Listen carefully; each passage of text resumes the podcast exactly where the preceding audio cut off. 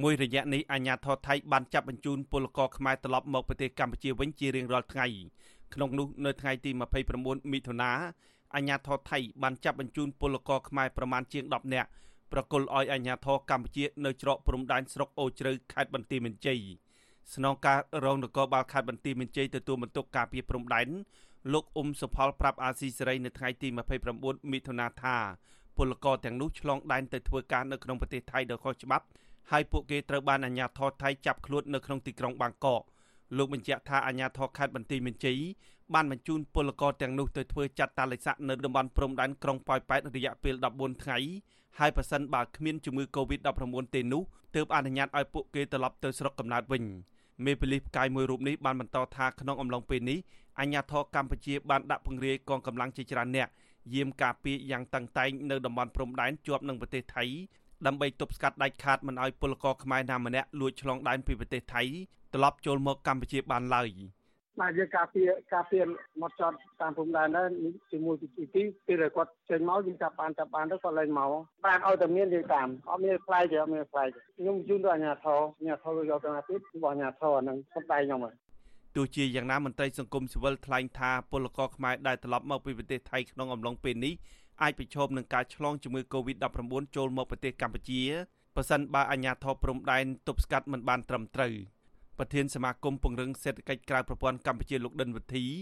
មានប្រសាសន៍ថាក្នុងអំឡុងពេលនេះអាចនឹងមានពលករជាច្រើនអ្នកត្រឡប់មកប្រទេសកម្ពុជាវិញ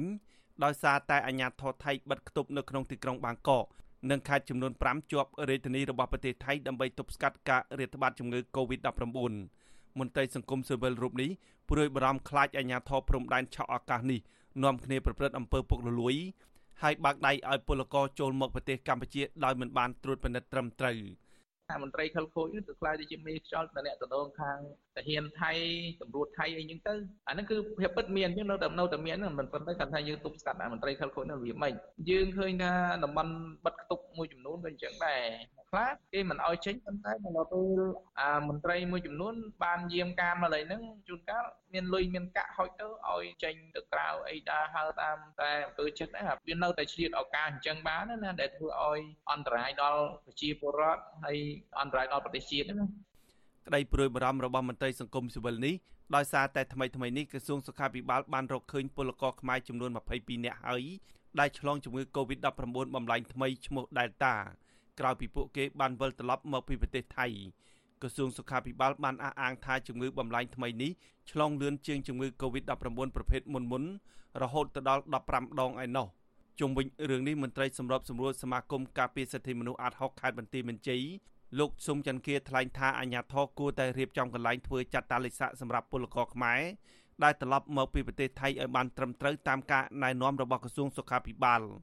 លោកបញ្ជាក់ថាសប្តាហ៍អាញាធរខេត្តបន្ទាយមានជ័យបានដាក់ពលកររួមគ្នានៅកន្លែងធ្វើចាត់តាលិស័កយ៉ាងណែនណាន់តាន់តាប់មន្ត្រីសង្គមស៊ីវិលរូបនេះយល់ថាការធ្វើបែបនេះនឹងធ្វើឲ្យពលករដែលគ្មានជំងឺ Covid-19 ពួកគេអាចនឹងឆ្លងជំងឺដ៏កាចសាហាវនេះបានយ៉ាងងាយស្រួល។ គាត់នេះដឹកមកបំបីមកមកសាលាកម្ដេចឪវារហូតដល់500នាក់បាត់ហើយគាត់បំបីពេលប្រូកងវ៉ាមកសម្ដេចឪនៅមណ្ឌលផ្សេងផ្សេងនៅម៉ាឡៃនៅមណ្ឌលនៅថ្មពូនៅអីទៀតវាច្រើន ហើយយើងគិតថាមួយថ្ងៃ10នាក់មួយថ្ងៃ10អីប៉ុន្តែវាអត់មានណាវាអាចច្រើនជាងហ្នឹងព្រោះជារឿយរឿយឡានដែលទទួលពលករនឹងរងចាំនៅពេលពេញឡានបញ្ជូនពេញឡានបញ្ជូនអញ្ចឹងដំណើរការមកជារឿយរឿយអញ្ចឹងមកបន្ថែមលើពីនេះលោកសុំច័ន្ទគាក៏បានអំពាវនាវឲ្យរដ្ឋាភិបាល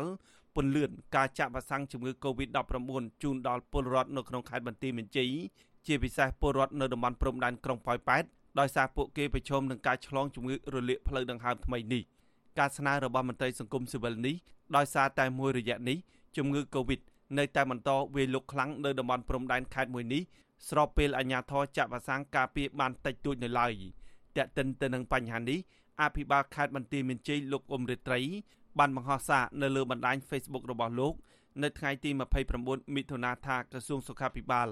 នឹងចាប់ផ្ដើមចាក់វ៉ាក់សាំងការពារជំងឺដង្កាចសាហាវមួយនេះ ជូនដល់ប្រជាពលរដ្ឋនៅក្រុងប៉ោយប៉ែតនៅថ្ងៃទី1ខែកក្កដាខាងមុខនេះខ្ញុំបាទហេងរស្មី អាស៊ីសេរីពីរដ្ឋធានី Washington